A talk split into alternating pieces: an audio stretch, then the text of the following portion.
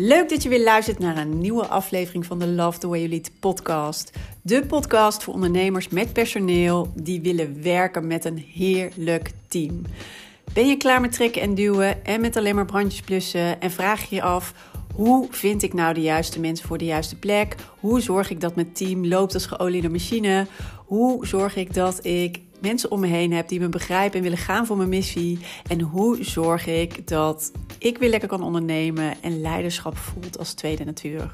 Mijn naam is Mariska Wiebega en in deze podcast geef ik je de tips en de handvatten om te komen tot jouw beste team. So, let's go! maandag vandaag, tenminste bij mij. En dat hoeft natuurlijk helemaal niet zo te zijn als je dit luistert. In ieder geval van harte welkom bij een nieuwe aflevering van de Love the Way You Lead podcast. Leuk dat je er weer bij bent en uh, dat je luistert. En uh, ja, ik zei het al maandag. En we zijn weer en met een nieuwe groep uh, in het Biobest Team programma begonnen vandaag. Dus welkom, welkom allemaal. En nou ja, zij zijn met het online programma vandaag van start. En van de week spreek ik ze allemaal persoonlijk ook nog in een kick-off gesprek om een hele goede start te maken ook.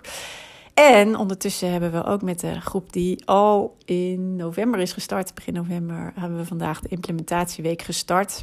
En dat is ook altijd een belangrijke week om nog even puntjes op de i te zetten. Om goed nog bepaalde, ja, de basis zeg maar nog beter te leggen. Waarmee ze daarna weer verder kunnen in hun leiderschap en ook met hun team en de stappen zetten alle tools en handvatten zijn er, maar het daadwerkelijk ook doen in de praktijk is natuurlijk heel erg belangrijk. En ik, ehm, ja, ik wil proberen altijd, ieder loopt zijn eigen route en is uh, ja, in een andere fase. En dat is helemaal oké, maar wel uh, ja, zorg dat, uh, dat je de goede basis nu hebt om op voor te borduren. En dat, ja, dat doen we dus ook juist in de implementatieweek. Goed, in ieder geval, dat was even van alles wat dus vandaag al speelde of waar ik eigenlijk mee begonnen ben. En daarna werd ik door iemand gebeld. En toen dacht ik, hey, maar dit is een mooie die ik eigenlijk ook gelijk in de podcast wil delen. Zij kwam namelijk met een casus en daar zal ik zo wat meer over vertellen met name als een medewerker het dus heel erg bond maakt. En wat doe je dan? Want zij zat eigenlijk een beetje met de handen in het haar. En nou ja, dat is wel een mooi. Ik dacht, die wil ik ook delen. Ook even van, nou, hè, wat zijn dan een aantal dingen waar je in ieder geval op moet letten of wat je in ieder geval kan doen.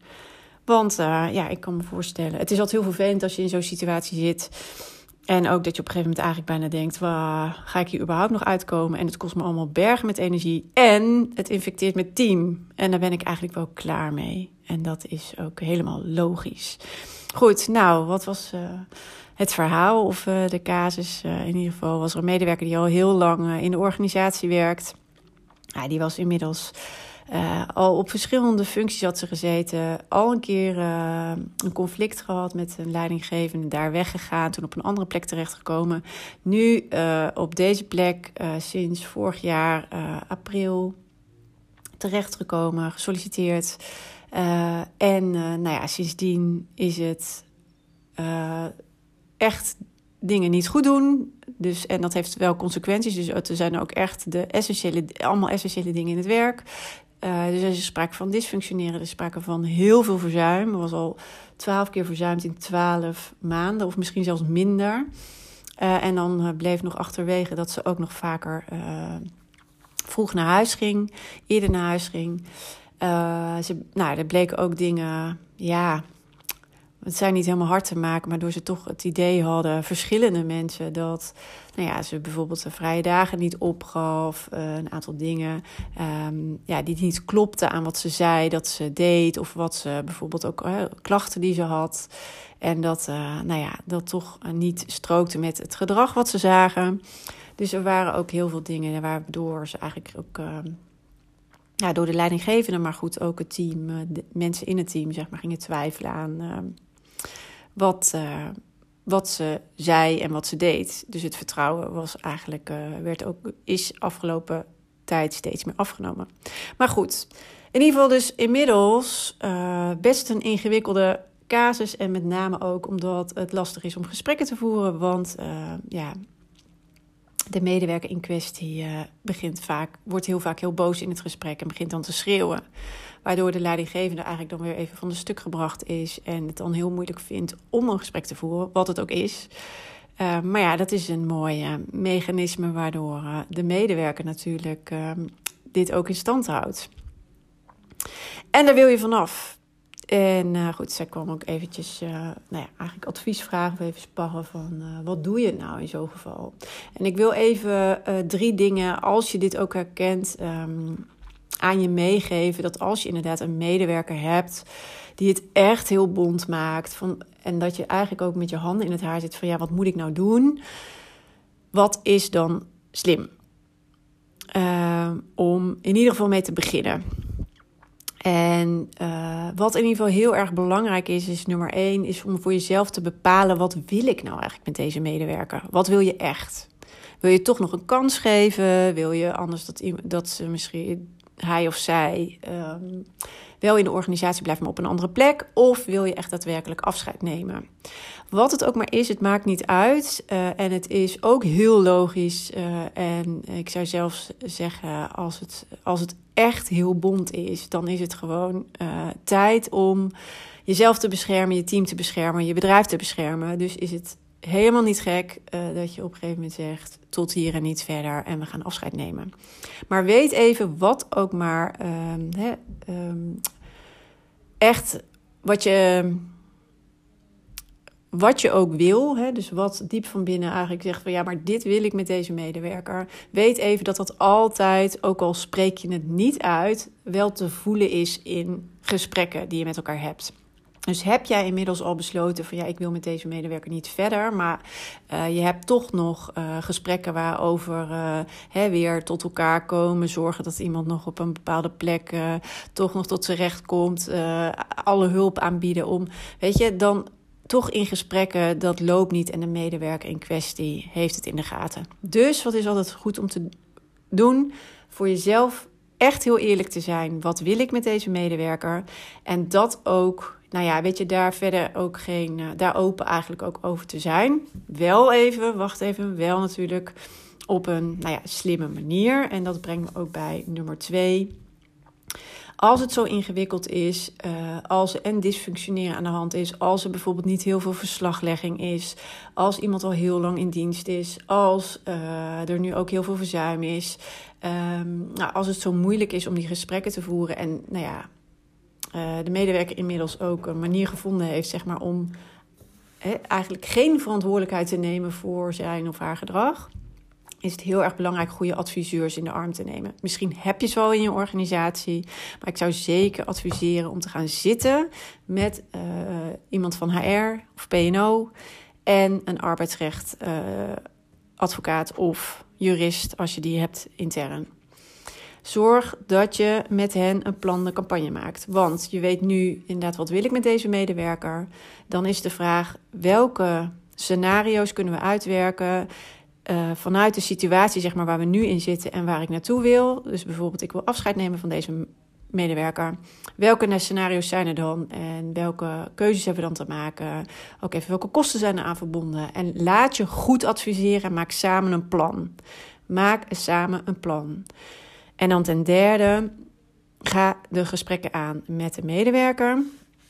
En daarbij is het heel erg belangrijk dat je altijd heel erg ja, duidelijk bent over het doel van het gesprek. En dat je ook heel erg je grenzen bewaakt. En juist als het heel erg moeilijk is om in gesprek te blijven, bijvoorbeeld omdat iemand heel erg boos wordt of heel erg gaat schreeuwen, uh, dat je het wel weer terug kan halen van luister eens. Um, het is niet mijn verantwoordelijkheid om te zorgen dat jij de medewerker moet voelen dat uh, hij of zij zeg maar, zelf ook verantwoordelijk is voor het hele proces. Zijn bijdrage moet leveren. En als iemand heel erg boos wordt of gaat schreeuwen, is het niet eens mogelijk om een gesprek te voeren. En nou ja, dan frustreert diegene dus ook uh, de stappen en het proces. Bijvoorbeeld hè, bij uh, verzuimgedrag. En als je die insteek hebt, iemand toch weer terug laten komen op de werkvloer. Uh, dan heb je ook met de wet verbetering poortwachten te maken. En dan heb je een plan van aanpak te maken. En dan heb je uh, binnen x uh, aantal weken zeg maar ook te reïntegreren. Nou, dat plan moet er in ieder geval liggen en daarna ook alweer uh, langzaam te gaan opbouwen. En voor de een is dat echt uh, nog heel minimaal en voor de ander is dat al wat meer.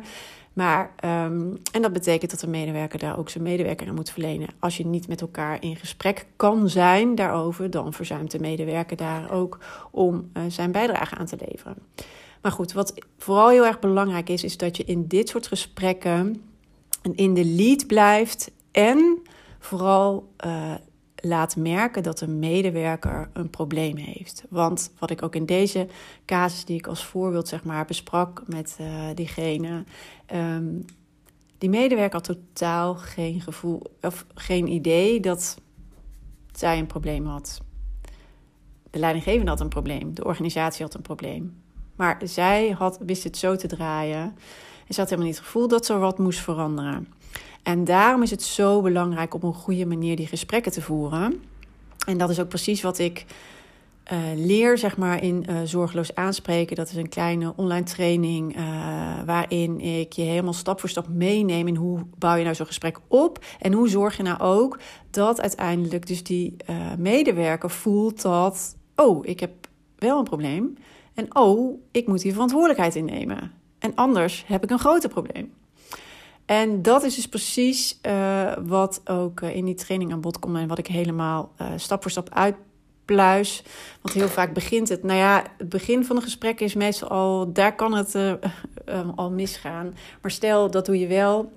En op een gegeven moment merk je van, nou goed, hè, jij hebt je punt gemaakt, maar dan zegt de medewerker, ja, maar nee, Weet je, ik, uh, of verschuilt zich bijvoorbeeld achter uh, een klacht die iemand heeft. Ja, maar dat kan ik echt niet doen, want ik heb echt enorme pijn aan mijn handen. En dan kan ik echt niet dat soort dingen typen, bijvoorbeeld. Um, en dan denk jij, ja, dat zal wel zo zijn. Dus uh, hoe zorg ik nou toch dat iemand in beweging komt? En in, dat, in die training zeg maar, help ik ook heel erg om te zorgen dat je dus niet vast blijft zitten in dan praten over de klacht en alles wat er niet kan. Maar toch, hoe leg je dan de verantwoordelijkheid bij de medewerker? Want het is heel erg belangrijk in dat soort gesprekken dat je je grenzen aangeeft en daar heel helder over bent. Dat je ook heel, heel helder bent over welk gedrag wil je wel zien en welk gedrag vind je onacceptabel. En eigenlijk de vraag stelt: en wat ga jij eraan doen? Want ik wil van jou verandering zien. Het is niet mijn probleem, het is jouw probleem. En dat uh, je dat in dat gesprek in ieder geval ook heel helder hebt en dat je dus de medewerker in actie krijgt. En um, wat dus zeg maar ook je traject is gesprekken zou je toch met elkaar moeten blijven voeren. Uh, hoe ingewikkelder en als er ook al een conflict op de loer ligt, want dat, zover kan iemand het natuurlijk laten komen, is het ook heel erg belangrijk ten eerste dus dat je die goede adviseurs om je heen hebt, dat je een goede, goed plan campagne hebt, maar dat je bijvoorbeeld ook met dit soort gesprekken op een gegeven moment, en zeker als, hè, als iemand ook heel emotioneel is, zorg dan ook gewoon dat je het altijd met z'n tweeën voert. Hè, jij bent in de lead als leider, leidinggevende. Um, een PNO of een HR, eh, een bedrijfsarts, een jurist. Dat is altijd je adviseurs. Dus jij bent in de lead. Maar het is wel fijn als iemand er dan ook bij is. Ook om altijd uh, gewoon uh, iemand erbij te hebben die ook kan ehm, ja, beamen hoe iets is gelopen of hoe een gesprek is gelopen. Niet om dus de. Ja, dat. En wat ook nog een hele belangrijke is, leg alles vast. Doe dat eigenlijk altijd al, ook als je heel goed met elkaar bent. Met alle medewerkers, leg gespreksverslagen. Maak altijd gespreksverslagen, leg alles vast en laat iemand tekenen voor akkoord of anders in ieder geval voor gezien.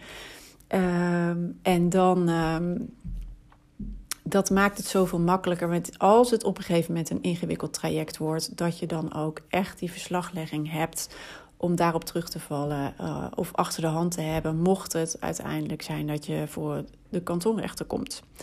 Dan wil je gewoon goed beslagen te ijs komen. Dus je kan het allemaal voor zijn.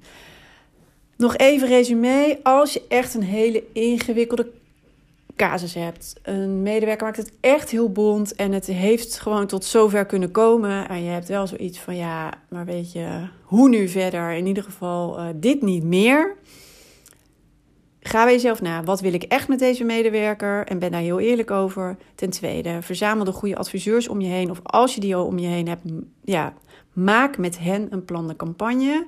Dit is waar je naartoe wil. Hè, of je wil afscheid nemen van die medewerker. Oké, wat is het plan? Uh, welke scenario's kunnen we uitwerken? Hoeveel kost het? Wat is slim om te doen? Wat is er wel, wat is er niet? Waar staan we sterk? Waar staan we minder sterk? Uh, hoe gaan we dit uh, insteken? En nou ja, blijf in ieder geval altijd in gesprek met de medewerker. En nou ja, goed, wat je inzicht ook is, in dat soort gesprekken, zorg dat jij ook in de lead blijft en de verantwoordelijkheid bij de medewerker houdt en legt om, ja, om zijn gedrag te veranderen. Want er zijn al heel veel grenzen overgegaan en je vindt heel veel dingen niet acceptabel. En daar mag je echt op je strepen staan en ook heel erg duidelijk zijn van ja, dit niet en dit wil ik wel van je zien. En hoe ga jij dit aanpakken? En mocht je daar wat meer hulp bij willen hebben, want ik kan me voorstellen, dit soort gesprekken zijn af en toe echt heel pittig en lastig. Maar als je daar, um, ja, eigenlijk het handvat wat ik bied of de leidraad in, uh, ja, in mijn training, zeg maar zorgeloos aanspreken, dan krijg je precies, en dan kan je zelfs ook al een heel gesprek uitwerken. Dus dan heb je al gelijk één uh, voorbeeld helemaal uitgewerkt voor jezelf. En daarna gaat dat natuurlijk, als je dat vaker doet, steeds soepeler. Maar weet dan even dat je, ja, dat je ook de lead houdt in dat gesprek. En dat daadwerkelijk de medewerker echt het gevoel krijgt: oeh, het wordt nu heet onder mijn voeten. En dan gaat de beweging ontstaan. En dan krijg je ook weer openingen om te gaan bewegen richting dat, ja, het eindpunt wat je in zicht hebt. Dus daarom wel super belangrijk om dat goed te beheersen. Oké, ik hoop dat ik je hiermee al genoeg handvatten heb gegeven. Mocht je dit aan de hand hebben. En anders kan je natuurlijk ook altijd even in de lucht komen om even te sparren. Mag altijd. Want dit zijn gewoon hele vervelende uh, ja, zaken die ook nog eens veel niet alleen veel energie kosten, maar ook nog eens heel veel geld kunnen kosten. En uh, ja, wat je aan damage control kan doen natuurlijk, uh, is altijd mooi meegenomen. Dus uh, goed, daar wilde ik het vandaag bij laten. En uh, ik wens je nog een hele fijne dag. En mocht het heel waardevol voor je zijn, ja, deel het anders ook en tag me op Instagram. Leuk als je het wilt delen. En ja, dan weet ik ook dat je hebt geluisterd. En heb je, nou ja, heb je, um, wil je er sowieso nog iets over kwijt of heb je nog een vraag erover, dan kan je natuurlijk ook altijd me even DM'en via het Purple Leiderschap op Instagram of uh, via LinkedIn natuurlijk, om eerst even te linken en dan uh, let me know. Oké, goed. We gaan elkaar uh, de volgende keer weer zien, wou ik zeggen, maar zien is het natuurlijk niet. Horen. en ja, tot dan in ieder geval weer. Groetjes.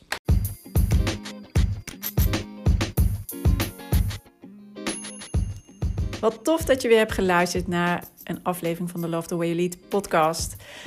En ik hoop natuurlijk dat deze aflevering ook weer waardevol voor je was en dat je er mooie inzichten uit hebt gehaald. En ik zou het dus ook enorm kunnen waarderen als het zo was dat je even een review achterlaat op de Apple Podcast app want dan wordt deze podcast nog beter gevonden. Hoe meer reviews, hoe hoger in de ranking en hoe meer ondernemers deze podcast kunnen vinden. En dus ook hoe meer ondernemers ik kan inspireren en helpen met hun leidinggevende rol en hun team. Dus dat zou ik enorm kunnen waarderen. Heel fijn als je daar heel kort even de tijd voor neemt. En dan zie of hoor ik je heel graag weer de volgende aflevering. Tot snel!